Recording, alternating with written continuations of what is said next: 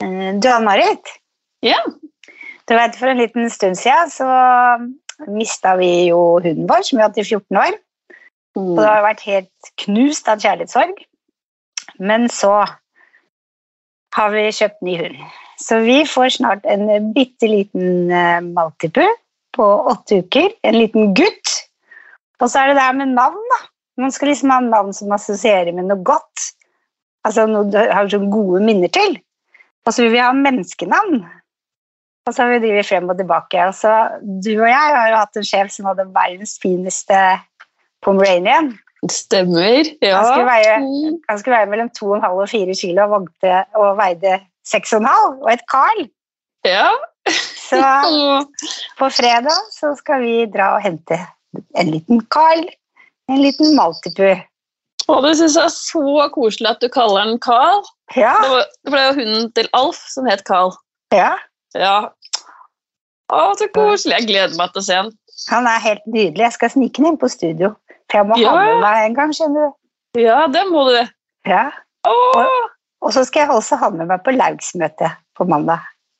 ja, skal du det? Ja, jeg må jo det. Jeg har ikke noe sted. jo jeg får den jo en uke for tida.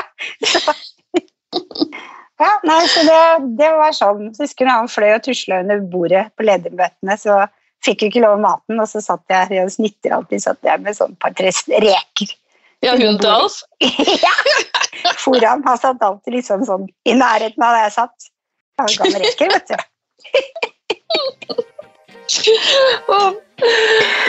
Ja.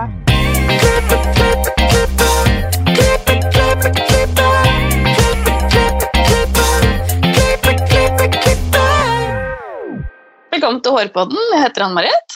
Jeg heter Renate. Ja, vi er jo i gang med å planlegge høstens episoder. Ja, det er vi. Godt i gang. Godt i gang, ja.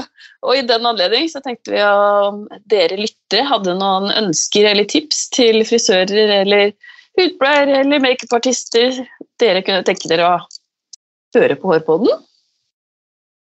Send inn forslag. Yes, uh, send, send en DM, rett og slett. Ja. Ja. Eh, Eller så kan vi jo si at uh, vi har jo allerede booka noen, så de har jo mye å glede seg til. Mm. Jeg gleder meg i hvert fall. Ja, jeg òg. Jeg gjør det. Jeg gleder meg alltid ja, med det der. Mm. Ja. Sette opp lister og få det i gang. Og det går Ja. så fort fra man liksom begynner å spørre noen til at det er fullt, så er det gjort på svisj. Ja, det er det faktisk. Vi har mange bra frisører i dette landet. ja. Men vi har jo med oss en gjest på, på Skype i dag. ja. Og dagens gjest er gründer av salongen Foke, og hun har sin egen produktserie Lyng i håret. Hun brenner og sverger til det grønne, og i dag skal vi snakke mer om dette temaet. Velkommen tilbake, Irene Stana. Tusen hjertelig takk. Veldig hyggelig å være her. For de som ikke har hørt episoden du har vært på med før, kan ikke du fortelle kort om deg selv? Jo, jeg eh, er frisør. Jeg eh, bor på Voss. eh, Har jobba i frisørfaget siden 1985. Ble liksom eh, ryddehjelp på en salong nede i Hardangerfjorden. Og så har den liksom gått litt sånn slag i slag. Så ja, det er litt sånn kort om meg. Nå driver jeg jo eh, kjeden Floke, og så da produktserie, sånn som du sier. Og så gjør jeg masse andre ting òg. Som jeg sikkert skal snakke om her nå.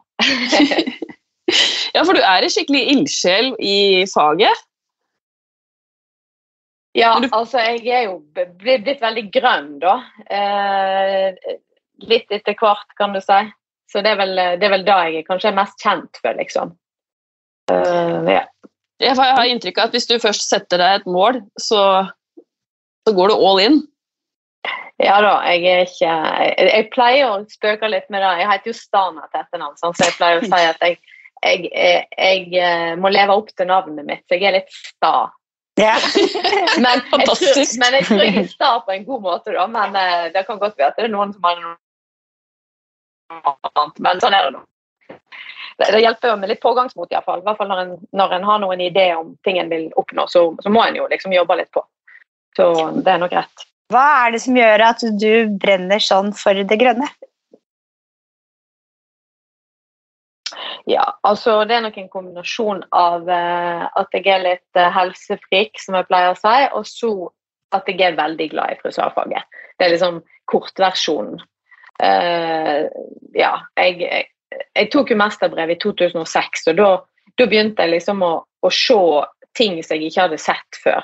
Altså, har jo, vi har jo lært på skolen at vi må bruke hansker og sånn. Jeg hadde ikke sett meg sånn veldig godt inn i hvorfor og, og, litt sånn. Så under den mesterbrevsutdannelsen så oppdager jeg liksom en del ting som, jeg, som overraska meg litt at jeg ikke visste noe om fra før. sant? Og når en da er litt helsefrik, så tenkte jeg at hvis det er mulig å gjøre noe med dette her, så har jeg jo veldig lyst til å, å prøve på det, liksom. Så der var jo på en måte inn, inngangen min til det grønne.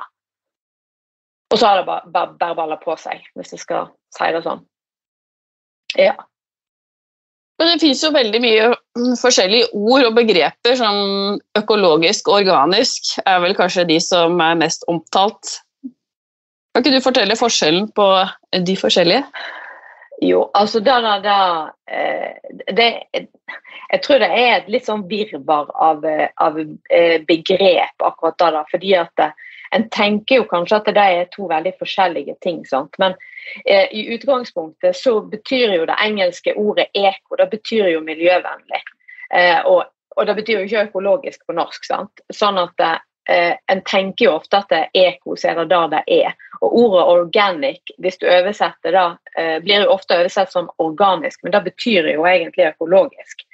Så, så sånn, jeg tenker jo at eh, en kan ikke helt stole på hva eh, leverandørene, hva begrep leverandørene bruker, eller når et produkt er omtalt.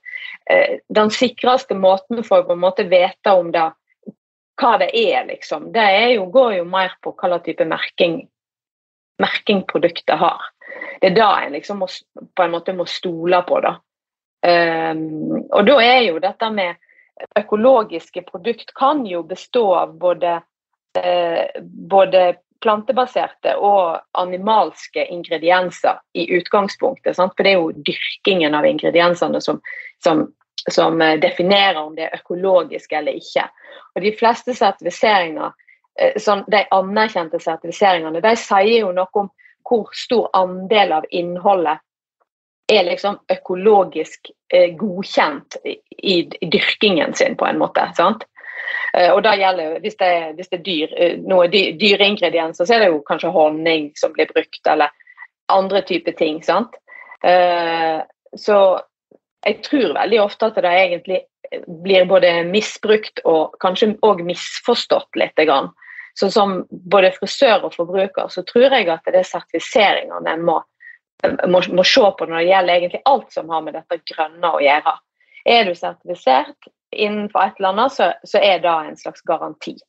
For det er, et, det, er ikke et, begrep som heller er, er, er beskytta på en måte. Det er ikke et, eh, altså Innen mat så, så, er det jo sånn at det, ting som er debiomerka, da vet en på en måte at det er økologisk. Sant? Men innen kosmetikk så er det ikke liksom et regelverk som sier at du har ikke lov å kalle det for økologisk. Eller du kan ikke si sånn eller sånn. sant?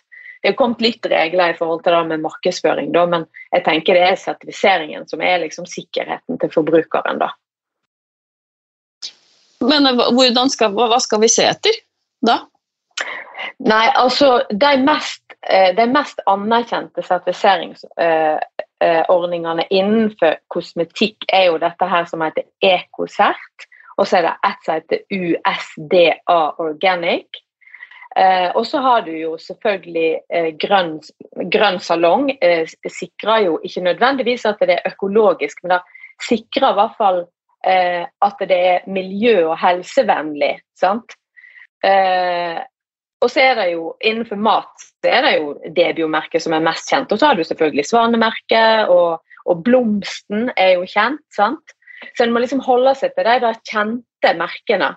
Fordi at det, eh, det, viser seg jo at en del leverandører på en måte lager egne stempel som står liksom organic eller økologisk på. Og så de liksom stempler produktet med, og så er det egentlig ikke en sertifisering.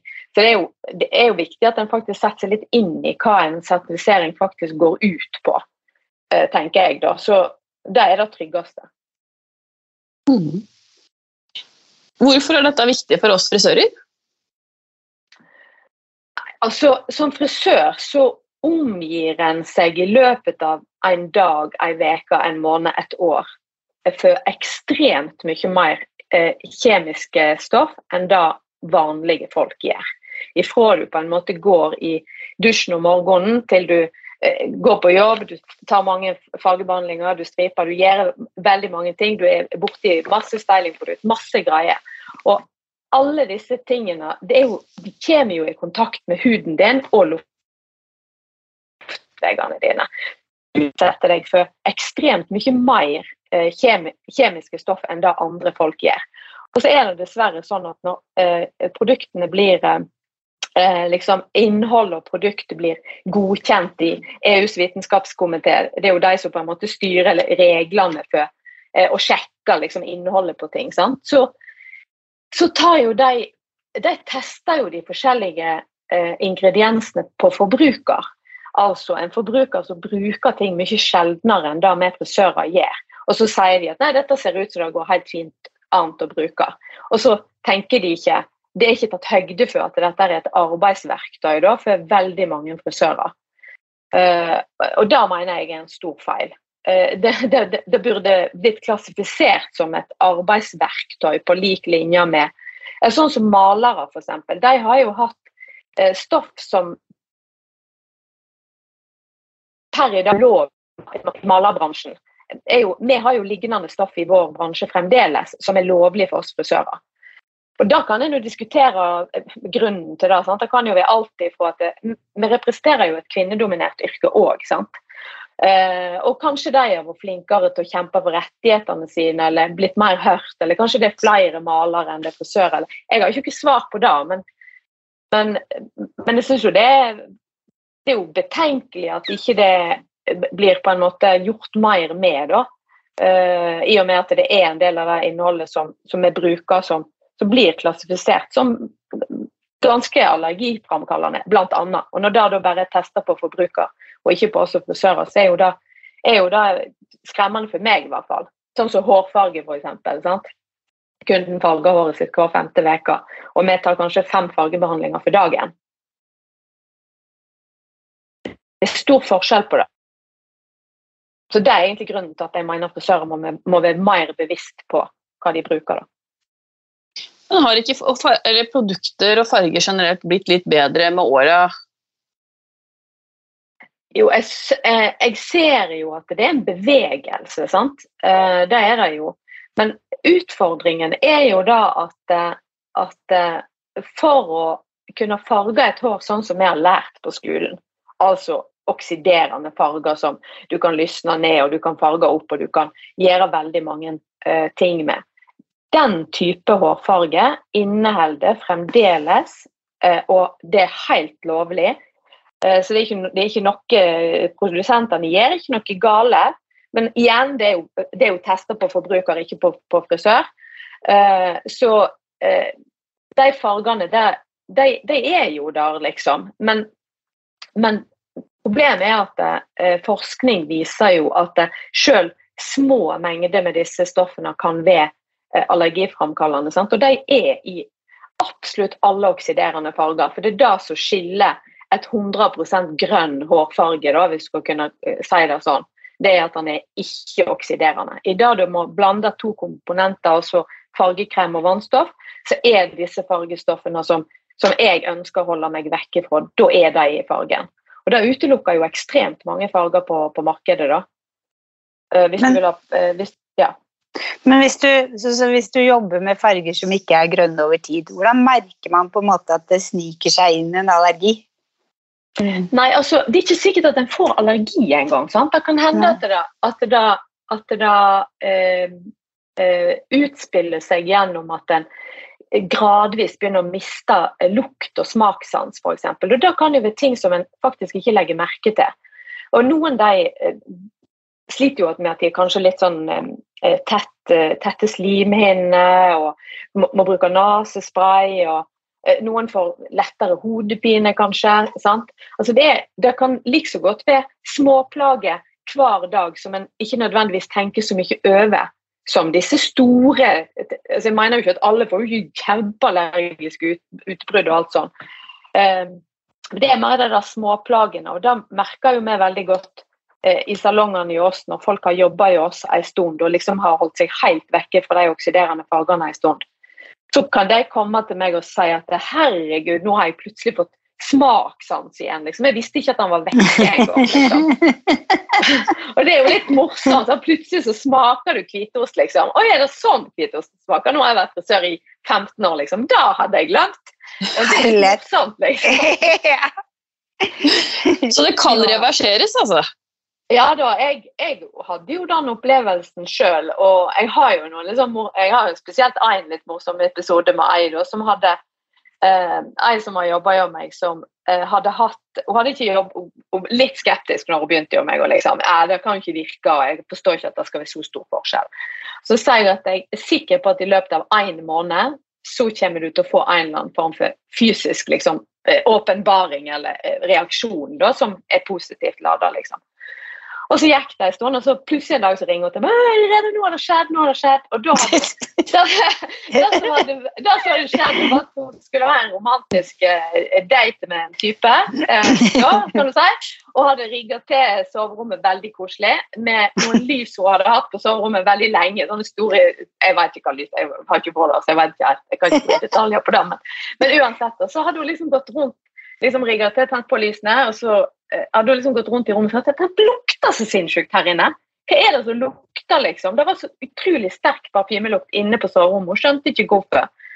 Og så gikk hun rundt, og så oppdaga hun altså at disse lysene som hun hadde der, det var duftlys. Og det var hun klar over.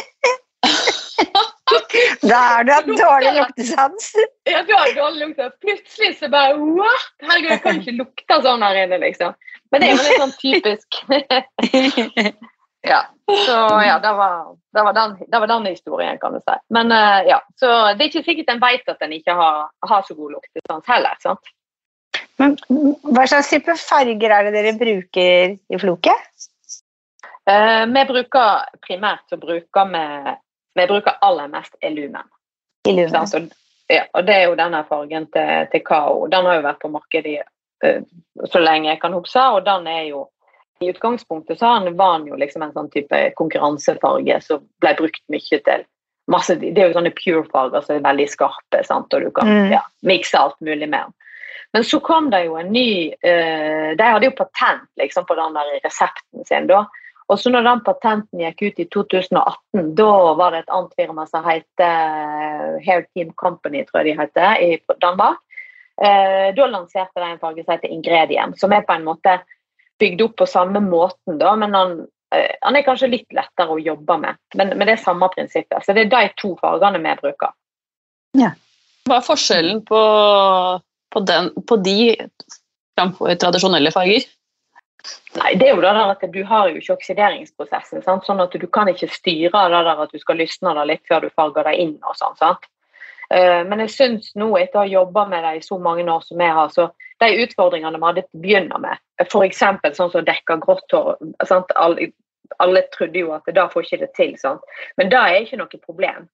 Uh, men vi kan jo ikke ta en lysfarge uh, i ordets rette forstand, f.eks. For Sant? Altså lysne håret i én prosess. Da, jo, da, må vi jo lysne det med, eh, med lysningspulver først, sant? på en eller annen måte.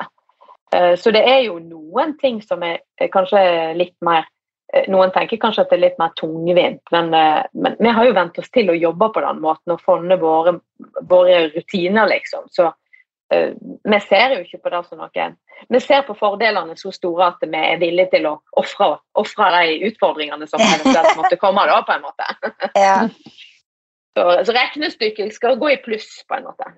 Altså, så Kundegruppen deres, er de, er de liksom veldig opptatt av de grønne, eller er det, de kommer bare fordi de er fornøyd som alle andre? Ja, vi, får, vi har veldig mye av begge deler. Vi har ja. no, selvsagt, Det kan godt være at vi har flere kunder som er eh, spesielt opptatt av det enn kanskje andre. Men jeg opplever at vi har litt begge deler også. Mm. Eh, det gjør jeg. Men vi snakker jo mye om det, sant? for vi er jo opptatt av det sjøl. Eh, så vi håper jo at vi kan spre det litt, på en måte. At folk liksom skal bli litt obs. Mm. Eh, og det er jo en av grunnene til at jeg har laga den her håper jeg på et litt annet tema, men laga den innholdsfortegnelsen som jeg har gjort på de Lyng-produktene mine. Sant? eh, jeg gjorde jo da for å på en måte hjelpe både frisører og kunder og liksom kanskje både bli litt bevisst på hva som er inni ei flaske, men òg da, da liksom at den Det er jo litt sånn snikopplæring, da, på en måte. Uh, men, men, men, men, da føler jo frisøren seg litt tryggere òg, for en får jo vi òg får jo spørsmål noen ganger liksom, ja, hvorfor er ikke det sånn og sånn, eller hvorfor er det da og da oppi, og så står vi litt sånn «Hm, Vi kan jo ikke alt. ja. Sånn? det, det, det, du, liksom, du har det liksom skriftlig rett framfor Ja. deg på flaska, så er det liksom litt lettere å si, liksom òg. Ja. Så um, ja. Gjør det liksom. ja. Men hvis, at, hvis noen av lytterne som sitter og hører på nå tenker åh, jeg vil lære mer om det grønne og kanskje gå den veien, hva ville du anbefalt dem å starte med? Hva, hva skal de søke etter, og hva skal de, hva Ja, skal de det, gjøre? aller, det, det aller første jeg ville gjort hvis jeg liksom skulle uh, søkt mer kunnskap om dette temaet, da, er at jeg ville gått på Grønn salong sine nettsider. Uh, sant? De har eh, Jeg tror de er blitt litt oppdatert nå. Da. Der ligger det jo liste over eh, produkt Altså det er jo masse produkt som på en måte er, blitt, um, blitt sjekka gjennom det systemet. Sant? Og der ligger det liste over liksom fy-fy-stoff eller fy-fy-produkt. Og så ligger det ei som heter observasjonslista, der det er kanskje noen stoff som er litt sånn uavklarte. De er kanskje i prosess i EUs vitenskapskomité, eller, eller de er ikke helt klarert, eller de er kanskje nye, eller noe sånt.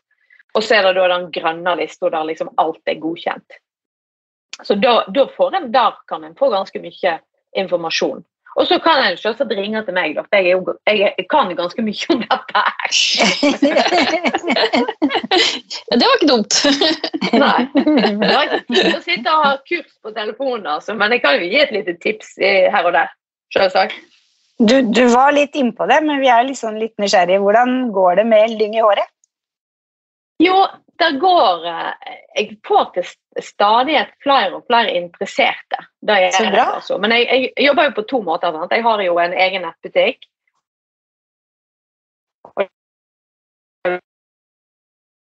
Så det. Eh, er veldig spennende. Og så, og så jobber jeg jo inn mot frisørsalonger. Sant? Så, men jeg vil jo selvsagt ha flere kunder, men det blir veldig godt mottatt. da.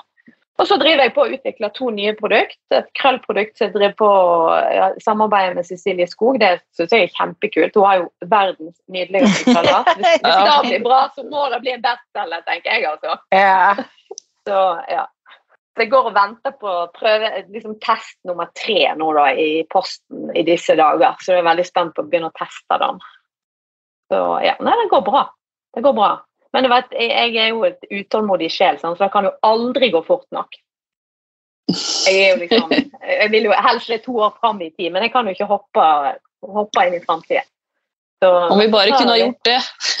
Ja, det hadde vært eh, ja, Kanskje det ikke hadde vært så bra òg likevel, men Men kanskje det aller beste hadde vært å hoppe i framtida på det man er utålmodig med å ta det tilbake i fortida. Så man liksom ja. hoppa fem år fram i tid og hoppa 15 år tilbake i tid. Så jeg har vært yngre òg. det. Ja!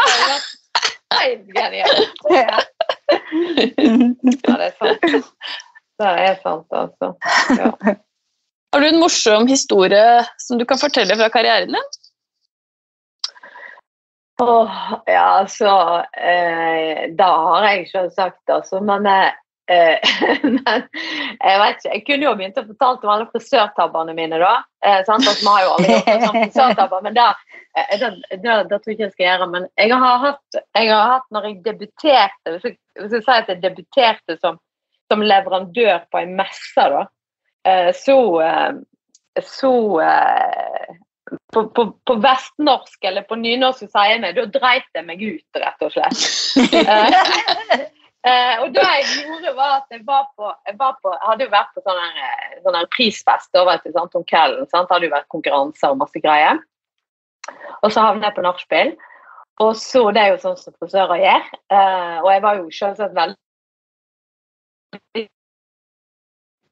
velger om masse krøller, for jeg har jo ingen krøller naturlig, men den kvelden hadde jeg liksom gjort meg litt flid. Havna på nachspiel i en båt. Eh, og i denne her båten da, så plutselig så er det noen som roper ifra en annen båt og spør om jeg vil ha champagne. Og det er det jo ingen eh, dame på min alder som kan si nei til, selvsagt. Så jeg tar eh, denne, eh, denne konvoluttveska mi under armen, og så bare strener jeg over til den neste båten. Det jeg ikke så, var at det var 1,5 meter imellom de. Å oh, nei! så jeg gikk rett og slett som en pil rett ned i sjøen. Og takk Gud for at jeg hadde en sterk mann som gikk rett bak meg. For han bare tok hendene liksom under, under eh, mine og bare drog meg opp igjen. Og da så jeg ut som en drukna katt Bokstavelig talt, liksom. Eh, så jeg, jeg, får fortsatt sånne meldinger noen ganger hvis jeg Jeg driver jo med liksom isbading og sånn. da. Så hvis jeg har lagt ut noe på Facebook, så får jeg fortsatt meldinger fra noen av de frisørene der oppe. Ja ja, du liker kaldt vann, ja.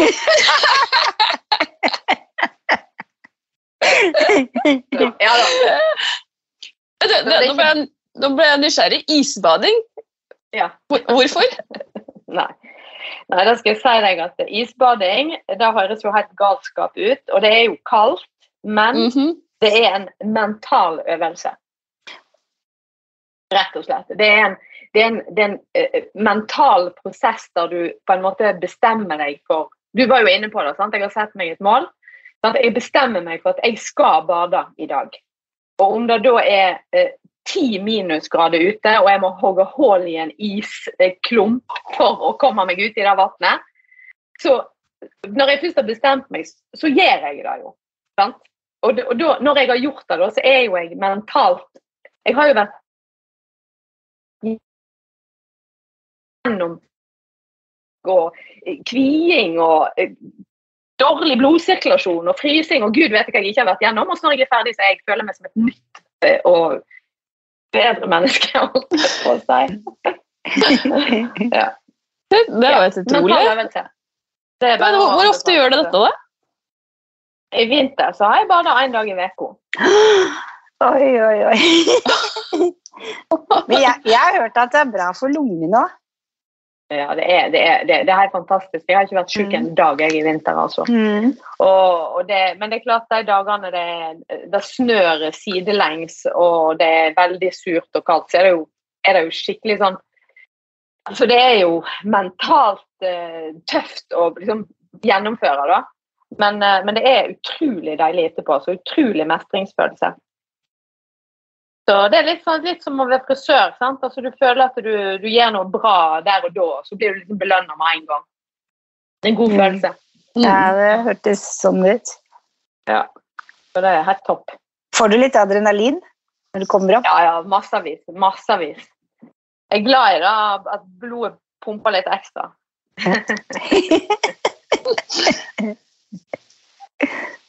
kan du beskrive en bra dag på jobb?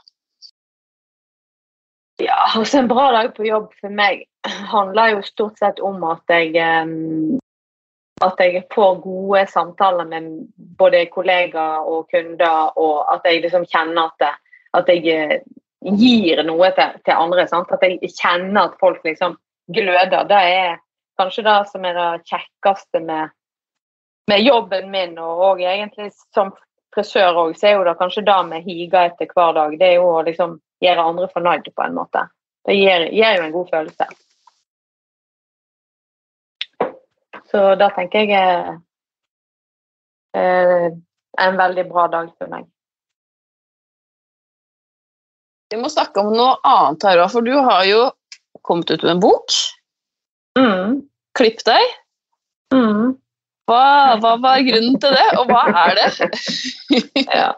ja. da. Nei, eh, hvis jeg begynner litt sånn kjapt på begynnelsen av så Hvis noen hadde spurt meg for tre-fire år siden og sagt til meg at du skal skrive en bok og du skal lage en, en eh, digital klippetjeneste som heter Nettklipp, så tror jeg jeg hadde ledd ganske godt. Men jeg vet ikke, korona har jo gjort noe med oss, da. Eh, og med meg og som med mange andre, så begynte jeg å se på andre muligheter. Sant? Og vi begynte jo tidlig med med å levere eh, varer hjem til kunder. Og jeg fikk masse e-poster av kunder som klippte seg sjøl og styrte på og ikke fikk det til. Og, og så søkte jeg Innovasjon Norge om eh, noen midler til å gjøre en markedsundersøkelse på hvor mange som egentlig klipper seg hjemme. Og det vi som er frisører, vi vet jo, vi har jo alltid hørt det eh, i alle år at det er alltid noen som klipper seg hjemme. liksom. Jeg har jo flere venninner som som jeg riktignok blitt kjent med i litt voksnere alder, da, som har klippet mannen sin hele livet, f.eks. Så det er jo ikke noe ukjent fenomen. Uh, og de går jo, veldig mange av dem går jo ikke til frisøren i det hele tatt. Så de kan, tenkte jeg at de kan jeg jo hjelpe litt, kanskje. Så ja, det er kort fortalt hvorfor. For du, for du, har, jo også, for du har jo også ja. en online klippekurs. Mm. Ja. ja, altså det er jo ikke et kurs, det er jo eh, det er jo det samme som bestiller seg en time i en salong. sant? Altså, Du, du booker deg en time på nett, og så møter du en frisør live i et slags studio som geleider deg gjennom det du måtte trenge, om det er styling eller det er klipp eller, eller hva det er. sant? Og så har du fått litt beskjed på forhånd da, at du skal ha vått hår og du skal ha socks og kam og, og sånne type ting. Så det er ikke akkurat et kurs, da. Det er jo, det er jo gjør jo på en måte det samme som en frisør gjør, bare at det kun klipper seg sjøl. Men hvordan har etterspørselen vært? Nei, da foreløpig så Foreløpig så er, er ikke jeg tror ikke det egentlig er nok kjent foreløpig. sant? Så Vi har, ikke, vi har heller ikke jobba så mye med det. for jeg har vært eh, opptatt av at jeg må prøve å samkjøre det litt med denne boken som kommer ut. Den kommer jo i butikken nå i 1. juni. Det går an til å forhåndskjøpe henne på, på, nett nå, da, men, uh, men, hun kommer ikke i, i butikk før 1. juni. Så, sant, så da, da, blir det litt mer Nå har jeg nettopp ringt opp av NRK i dag, som vil lage en sånn reportasje for eksempel, om den nettklippen. da. For Det som er fint med den nettklippen, er at den frisøren som jeg har som er nettklipperen min, hun har vært frisør hos meg eh, på salongen i Bergen. og eh, Vi jobber jo grønt, og hun tålte ikke det heller. Hun, etter masse utredning og masse greier, så viser det seg at hun, hun kan jo ikke jobbe med, med det vi kaller for vårt arbeid i det hele tatt. Og, sant? Hun tåler rett og slett ikke vann. Eh, og så hadde hun så lyst til å fortsette å være frisør, hun hadde så lyst til å fortsette å jobbe i Floke, og derfor var det jo naturlig å dra henne inn i dette prosjektet. da. Så det er jo en mulighet for de frisørene. Så, det er jo mange frisører som har begynt på cutters, for eksempel, ja. fordi at sant? Det var akkurat det jeg skulle si. Ja, sant? Men her er det jo her, er det, her kan du ta det på hjemmekontoret. Ja. så det blir jo litt, det blir litt sånn samme opplegget som med den boken. Det er jo ikke retta mot kunder som pleier å gå i en frisørsalong og klippe seg. Det er jo retta mot, mot de som ikke klipper seg. Og så og så vet jo vi som er frisører at eh, det, går, det er fire års utdannelse å bli frisør. Det krever lang erfaring, og en må prøve og feile ganske mye. og en, det, det, det, krever mye av en å oppnå et, et uh, profesjonelt resultat, og da kan ikke en online-tjeneste eller en bok konkurrere mot. Det er ikke noe konkurranse, mener jeg. Uh, det, det, det, er ikke det i det hele tatt. Så jeg, tenker at det er ikke noe frisører trenger være redd for. liksom. Er det ikke retta liksom mot alle de som faktisk ikke får klippet seg, som kan få klippet seg, og som av en eller annen grunn ikke går ut av mange ja, årsaker, og som ikke har mulighet? Ja, ja, det, det er jo veldig fint, egentlig, det. Ja, sant? Det kan være handikap, det kan være sosial angst, det kan være mm. frisørskrekk, det kan være eh, altså, Bare det der å gå inn i en frisørsalong hvis du har kjempestore hodebunnsproblem, er det jo folk som har veldig, kvir seg jo veldig for å gjøre. sant? Og Da viste jo den undersøkelsen også at folk sliter jo med ting som ikke de har lyst til å gå i offentlig ut og vise. Og det, det fortjener jo å få lov å bli litt finere på håret, de òg, selv om ikke de får et frisørresultat. Så kan de jo bli litt finere hvis de får litt hjelp, da, tenker jeg. Mm. Eh, hvordan har bransjen tatt imot at du har eh, laga en bok om klipp? Nei, du vet, Det der er jo litt sånn morsomt. sant? For Hvis mannen din er utro, så er det jo du selv, det er, jo, er det jo du som får vite det sist. Og så vet alle dine før deg. Eh, så svaret er på en måte veit ikke helt. Men jeg har jo observert noen sånne tråder inne på den Facebook-gruppa kun for frisører. Og jeg oppfatter litt sånn fra utsida at det kanskje er litt mer sånn 50-50. Noen er liksom, syns det er helt på trynet. Uh, og noen tror jeg liksom, liksom, ikke ser på det som noe fare. Så jeg tror, jeg tror, det er litt sånn begge deler, rett og slett. Men jeg, det er som det er jo ingen som ringer til meg og sier at eh, Irene, dette er jo helt idiotisk, nå må du skjerpe deg, liksom. Det er jo ingen som gjør det. Men det kan være de tenker det. Men, men eh, jeg har ikke jeg har, ikke, jeg har sluttet å gå ut, jeg tør ikke møte noen. Nei da, jeg står inne for alt jeg gjør, jeg altså, så jeg tror dette skal gå veldig fint. Ja, det er jeg sikker på at det gjør. Ja, ja. Det, er nok av kunder.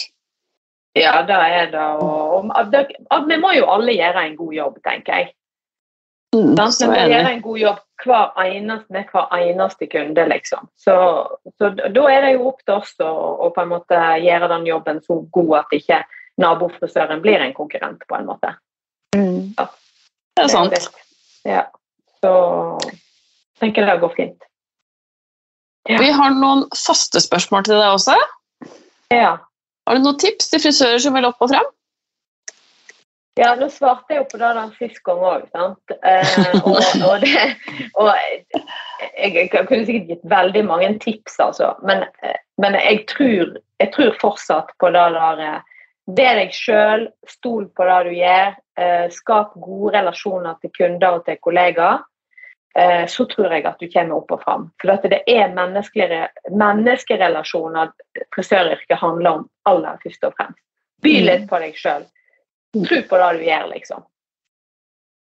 Veldig bra sagt. Jeg kom der for å kjøpe. det var det. Hva inspirerer deg? Nei, altså, Jeg blir inspirert av alt mulig. Jeg kan bli inspirert av ei, av ei rar dame på gata. Jeg kan bli inspirert av en uh, tur i skogen. Uh, Jeg er jo en sånn naturmenneske som padleturer og gode kollegaer som er flinke. Jeg blir veldig inspirert av å jobbe med folk som er dyktige, rett og slett. Da har jeg liksom bare lyst til å bli bedre sjøl. Så ja, jeg blir inspirert av ganske masse ting, egentlig. Hvis du kunne forandra noe med frisørbransjen, hva skulle det vært? Eh, ja, utenom det der med at vi burde hatt en grønn frisørutdannelse, så tror jeg at svaret mitt må bli at jeg tenker at eh, vi som er frisører, er de som på en måte må gå i bresjen for vår egen bransje og være stolt over at vi er frisører. Og, og vise det og snakke om det, sånn at det, det sprer seg hvor fantastisk moro dette yrket er, og hvor mange muligheter det gir, sånn at eh, andre får lyst til å bli frisør òg. Hvor finner vi deg på sosiale medier? Nei, jeg eh, er litt sånn overalt. Jeg har både LinkedIn-profil, jeg har Facebook-profil, jeg har Instagram-profil. Jeg har åpne profiler òg, sånn at det er bare navnet mitt. Og så er jeg jo kloke og, og Lyng i håret selvfølgelig. Jeg har jo Instagram-kontoer og, og Facebook-kontoer, de òg, liksom. Og på LinkedIn. Så vi er litt sånn all over. Det er der en må være i dag, vet du. En må være litt tilgjengelig i alle retninger. Det er så sant. Ja. Så ja. Mm. Tusen, tusen, tusen takk, Irene, for at du ville dele din grønne historie med oss. Ja, takk for at jeg fikk komme. Alltid kjekt.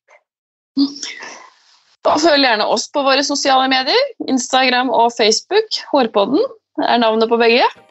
Og så høres vi neste uke. Ha det bra!